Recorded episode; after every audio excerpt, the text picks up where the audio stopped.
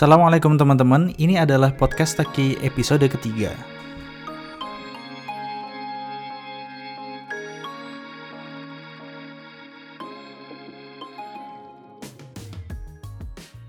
Halo teman-teman, jadi kali ini kita bersama lagi dengan Nahar Nurun Nafi yang sekarang sedang mengajar bahasa Indonesia di University of Georgia di Amerika Serikat. Pada kesempatan kali ini kita akan membahas tentang belajar dari kegagalan beasiswa. Mungkin banyak yang sudah bercerita tentang keberhasilan gitu. Tapi di sini kita mau cerita tentang pelajaran yang kita ambil dari kegagalan beasiswa. Oke, jadi yang pertama kita bakal cerita tentang apa saja sih kegagalan yang pernah kita alami gitu dan apa saja alasan yang kita pikir bisa membuat kita gagal dulunya gitu. Oh, Oke, okay. jadi dimulai dari saya dulu mungkin ya. Iya. Dulu dulu saya pernah gagal banyak beasiswa mungkin ya kalau kalau kalau saya ingat-ingat lagi. Pertama saya gagal beasiswa LPDP di tahap-tahap berkas. Kemudian saya coba lagi di tahun depannya. Itu kalau tidak salah yang gagal tahap berkas itu di tahun 2016. Kemudian di tahun 2017 saya mencoba lagi dan masih gagal di tahap wawancara saya juga mencoba beasiswa namanya Swedish Institute. Kebetulan di beasiswa itu saya masuk di salah satu universitas, saya lupa namanya. Gothenburg atau mana gitu pokoknya. Intinya saya masuk waiting list jadi belum bisa lolos. Kemudian saya pernah gagal lagi di salah satu beasiswa di negara Rusia dari sebuah universitas yang saya juga lupa namanya. Pokoknya dari sebuah universitas itu saya apply lah di sana beasiswa di sana sampai tahap wawancara dan ternyata gagal. Oh. Terus gimana nih cerita Nafi? Uh, mungkin kegagalannya tidak seperti Taki ya hmm. sampai empat kali. Yang saya nggak tahu. saya apply apply juga kemarin banyak sih sampai saya lupa jumlahnya cuma yang paling saya ingat mm -hmm. yang sampai sekarang susah dilupakan mm -hmm. itu adalah LPDP ya sama mm -hmm. seperti Taki kalau Taki bilang kemarin eh bilang dua kali gagal di LPDP mm -hmm. saya juga gagal dua kali di LPDP mm -hmm. Tapi dan dua-duanya gagal di wawancara. Oh, gagal dua-duanya lolos wawancara. Bagus dong, berarti lebih bagus daripada saya karena saya yang paling awal saya gagal di tahap berkas yang namanya gagal nggak oh. ada yang bagus oh, gitu ya.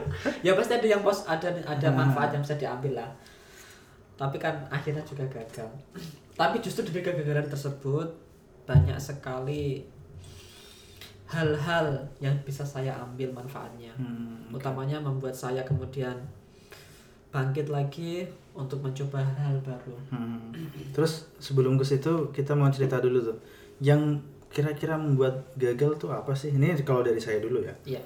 Alasan gagal yang dari saya pribadi itu adalah karena pertama saya mengerjakan esainya tuh selalu mepet. Kayak misalnya hmm. satu minggu sebelum pengumpulan berkas saya baru mengerjakan.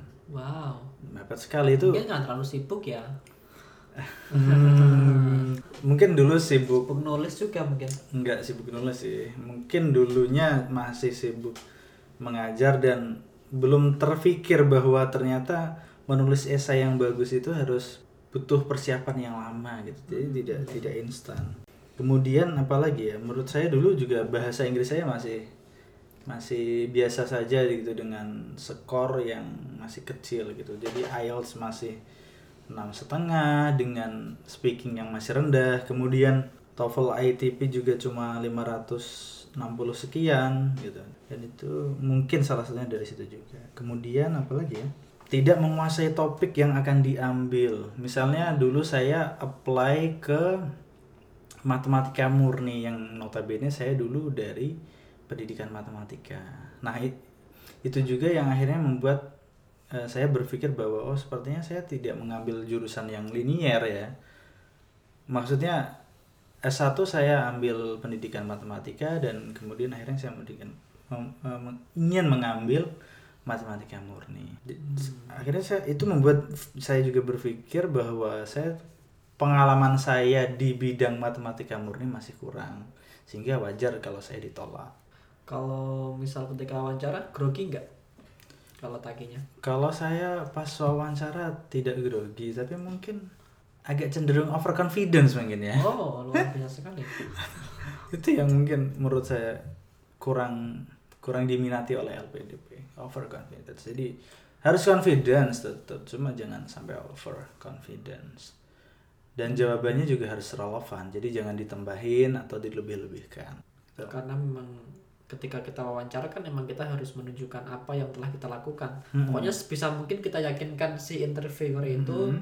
biar yakin sama kita. Mm-mm. Dan kayaknya nggak salah sih kalau kita mau coba menyampaikan apa yang uh, sudah prestasi-prestasi kita yang sudah kita dapat Mm-mm. dan mungkin itu juga nggak overconfidence juga. Mm-mm, betul betul Tapi persepsi orang kan beda-beda ya. Ya, nah itu mungkin juga yang saya sebenarnya tidak melebihkan dalam arti yang nggak ada saya tambahkan, tapi cuma saya cuma menyampaikan apa yang telah saya raih gitu. Tapi mungkin di budaya timur hal itu tuh kayak seolah-olah menjadi sombong gitu. Kalau ki- mereka tidak menanyakan spesifik tentang sesuatu hal, kita jangan membahas tentang itu gitu. Oke, oke. Jadi karena kita walaupun itu sebuah fakta, tapi kalau tidak ditanyakan itu kadang membuat orang lain berpikir bahwa kita sombong. Misalnya kita ditanya tentang prestasi apa yang kamu raih di semester pertama. Terus tapi kita jawabnya "Oh, di semester pertama saya tidak punya prestasi apa-apa, tapi saya punya misalnya di semester akhir saya meraih juara olimpiade apa gitu. Harusnya nggak usah dijawab kayak gitu. Jadi dijawab aja. Nah, emang kenyataannya seperti itu gitu. Walaupun pahit kan. Iya. Malah nanti mereka nggak tahu kita udah meraih apa aja. Nah itu nggak tahu tuh harusnya kayak gimana formulanya yang pas itu kayak. Setelah itu apa saja yang bisa dikerjakan setelah tahu bahwa kita punya banyak kesalahan. Oh dari saya sendiri sih, akhirnya saya belajar bahwa saya perlu belajar dari orang lain gitu. Hmm. Saya harus belajar dari banyak orang misalnya yang sudah berhasil meraih beasiswa LPDP, beasiswa Fulbright. Saya coba tanya mereka tuh. Salah satu orang yang inspirasi siapa? Mungkin hakim ya. Oh, Hakim. Hakim Teman adalah saya juga itu. Hakim adalah seorang santri alumni di pondok yang sama dengan saya. Apa? Alumni dari pondok yang dulu saya belajar di sana gitu. Oke. Ketika SMA ya. Ketika SMA. Dan dia sudah lolos LPDP waktu itu. Oh, Oke. Jadi dia kayak mentormu Iya, ya, dulu dia ya? dulu mentor saya. Salah satunya kayak gitu. Terus ada juga dari dosen gitu. Kita tanya saja sama dosen. Terus kemudian eh, ada lagi yang mungkin pelajaran yang akhirnya saya lakukan setelah saya tahu setelah saya tahu bahwa saya beberapa kali gagal, yaitu saya persiapan lebih awal gitu. Mhm. Semua berkas itu saya siapkan dari awal. Misalnya esai saya bikin dari awal. Aplikasi kayak apa? Bukan aplikasi, kayak form aplikasi beasiswa itu saya saya isi dari awal. Tujuannya apa? Kayak misalnya esai, nanti saya bisa koreksikan ke dosen Mhm. atau ke mentor saya. Dulu saya eh, minta koreksian ke salah satunya adalah Mas Hakim. Ada lagi banyak orang yang kayak dulu saya juga minta koreksian ke namanya Mbak Fitria itu salah satu mentor saya dari UPI juga.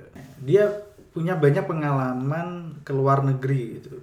Walaupun dia pribadi belum belum dapat beasiswa, tapi suaminya dapat beasiswa. Hmm. Kayak short course Oh. exchange gitu ya. Dia dia dulu sering kayak itu. gitu. Dia pernah ke NASA di USA, Oh, keren. pernah ke Thailand atau Singapura lupa. Kayaknya Singapura. Pokoknya belajarlah dari orang-orang terdekat kalian, mintalah koreksian esai-esai itu kepada orang-orang yang sudah kalian dekat kenal dan mau mengoreksi gitu, Iya. mau mengkritisi gitu, Susah juga itu nyari teman yang mau. mengoreksi kan. pinter kan, tapi ya kadang mereka cuek kan. Mm-mm, banyak yang kayak gitu. Dia pokoknya cari aja orang yang mau mengoreksi. Bahkan kalau mau aplikasi pun kadang mereka mau juga. Iya. Dan itu biasanya timbal balik ya Pak ya. Mm-mm. Kalau misal kita nanti di posisinya dia, Mm-mm.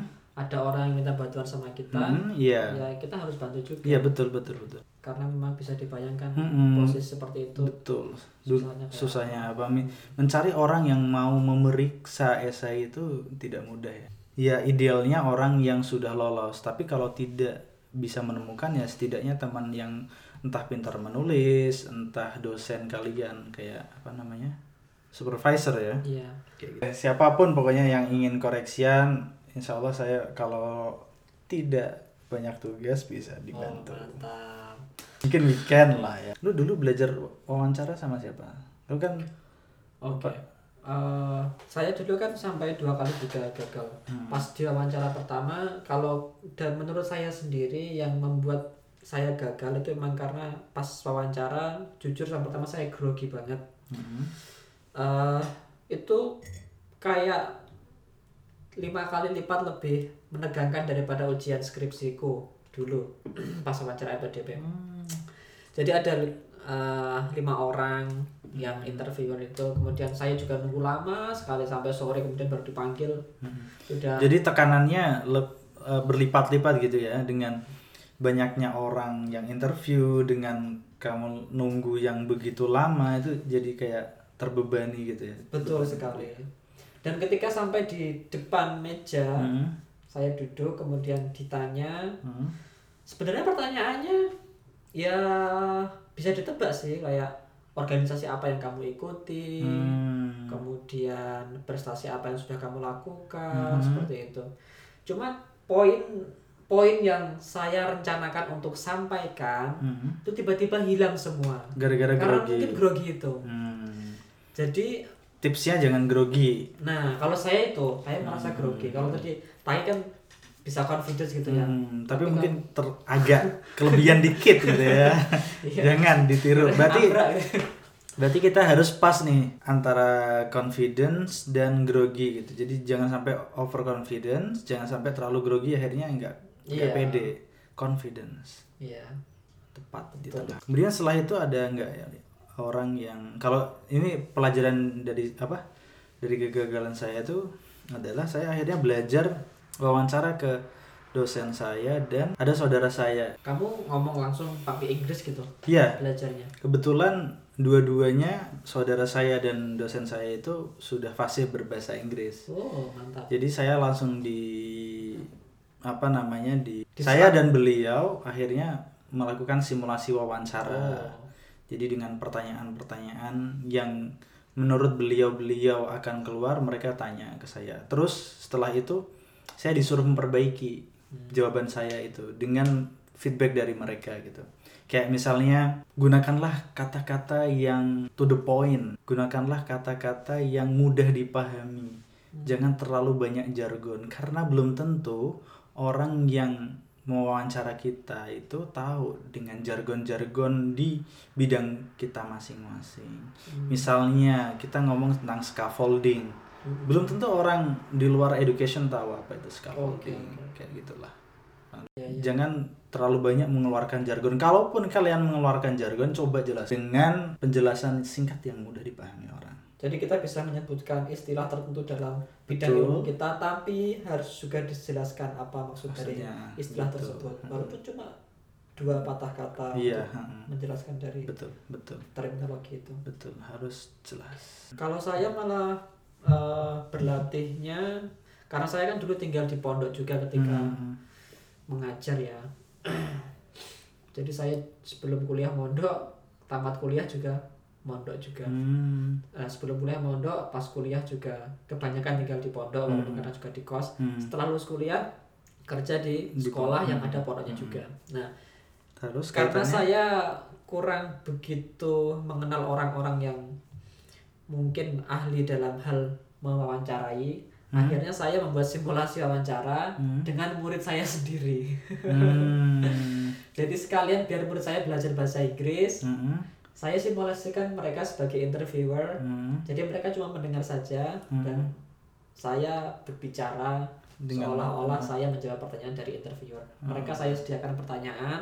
Oh, mereka- jadi random gitu ya pertanyaannya Iya, atau betul iya, sekali. oh, bagus dong.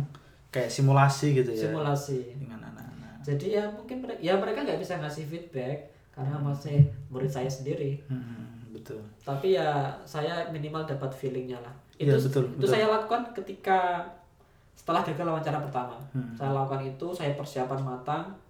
Bahkan saya sempat gabung juga di kursus berbicara di UK di uh, di Salatiga kan ada tempat kursus uh, bahasa Bahasa Inggris. Inggris. Hmm. Nah, saya join di kursus tersebut supaya nanti jawaban-jawaban saya bisa meyakinkan interviewer seperti itu. Saya gabung di kursus tersebut kurang lebih selama satu bulan. Padahal waktunya itu 1,5 bulan, tapi karena memang waktu wawancara itu satu bulan, jadi setelah satu bulan join saya keluar, kemudian saya ikut wawancara tersebut wawancara yang kedua dan gagal lagi ternyata. Iya mungkin itu tadi ya eh, kita perlu mencari orang ini yang paling penting menurut saya sih. Jadi kita perlu mencari orang lai- orang lain yang mau mengkritisi kita. Iya. mau Kasih- memberikan feedback gitu Iya, kan. feedback yang positif yang Feed- membangun. ini mungkin hal-hal yang saya pikir juga penting gitu. Kayak misalnya kita perlu banyak sedekah ke mana pun entah ke masjid Iya. entah ke anak-anak kecil gitu kan itu juga penting kemudian juga minta doa restu kepada orang tua Betul itu sangat sekali. utama sekali menurut saya mungkin bukan hanya orang tua ya guru juga orang-orang terdekat kita mungkin teman-teman kita yang mungkin sering kita singgung kita ajak guyon yang kadang sakit hati mintalah restu ke mereka Pokoknya Betul sekali. minta itu justru kadang doa-doa dari anak kecil dari teman-teman yang pernah kita sakiti dari orang tua yang secara tidak sengaja sering kita sakiti itulah yang Hmm. mustajab gitu ya Ya kadang kita juga nggak tahu bagaimana semesta bekerja Hmm. Mas Tagi ya. gimana gimana Ya enggak. Eh, misalnya mungkin lewat perantara doa orang tua kita Mhm. atau lewat perantara doa guru-guru kita. Itulah bagaimana Allah atau ya, Tuhan ya, Tuhan membuat semesta bekerja untuk Mm-mm. mendukung kita supaya bisa terijabahi keinginan kita. Mm-mm. Jadi mungkin pas wawancara tiba-tiba kita ditempatkan di sesi yang awal Hmm. sehingga interviewernya pun fresh, kita pun fresh. Mm-mm. Akhirnya mood pun juga maksimal. betul betul Hasil wawancara pun bisa maksimal juga. betul, betul. Jadi hal yang sepele-sepele seperti itu. Atau mungkin pas ketika uh, interview kita merasa kenyang habis makan karena jamnya di pagi hari. Hmm. Nah hal yang kecil seperti itu kadang mempengaruhi berpengaruh juga, berpengaruh ya. juga ya. Nah, Terus doa- apa nih motivasi buat teman-teman yang saat ini mungkin sedang gagal atau masih takut gagal gitu? Kalau dari saya sendiri ya, uh, yang penting adalah mencoba. Hmm. Jadi kita nggak akan tahu apakah beasiswa yang kita apply atau yang kita lamar itu memang menjadi takdir kita atau enggak sebelum kita coba. Betul betul. Nah, kalau emang kita sudah coba secara maksimal dan ternyata kita nggak dapat, berarti emang itu bukan takdir kita. Kita nyari peluang yang lain. Betul betul. Tapi setidaknya kan kalian tahu, Kita udah berusaha. ya bahwa oh saya bukan jodohnya di beasiswa itu, Hmm. mungkin di beasiswa yang lain. Tapi kalau kamu nggak nyoba sama sekali, Ya nggak akan, nggak bukan pernah. tahu Hmm. apakah beasiswa itu jodoh Betul, dengan betul, kita atau enggak. betul. Kalau saya dulu seperti itu. Jadi tidak ada salahnya mencoba gitu ya. Iya. Karena kita juga tidak tahu beasiswa apa yang akan menjadi rezeki kita. Jadi coba aja semuanya, apply aja Betul semuanya. sekali. Dan ternyata saya kalau diingat lagi ada satu beasiswa lagi yang saya gagal Oh. ya, yaitu AAS. Yang ke Australia itu. Iya yang ke Oh. Australia. Di banyak sekali ya, totalnya ada lima ternyata saya. Ada Oh. lima beasiswa yang saya gagal sebelum akhirnya diterima di Fulbright Fulbright. dan di Taiwan. uh, Taiwan. Nah, Nah itulah intinya kalian tetap harus tetap terus mencoba sampai akhirnya menemukan jodoh iya. beasiswanya yang mana. Semoga episode kali ini dapat bermanfaat bagi kalian semua dan jangan lupa follow IG saya di takyudin underscore 27. Wassalamualaikum warahmatullahi wabarakatuh.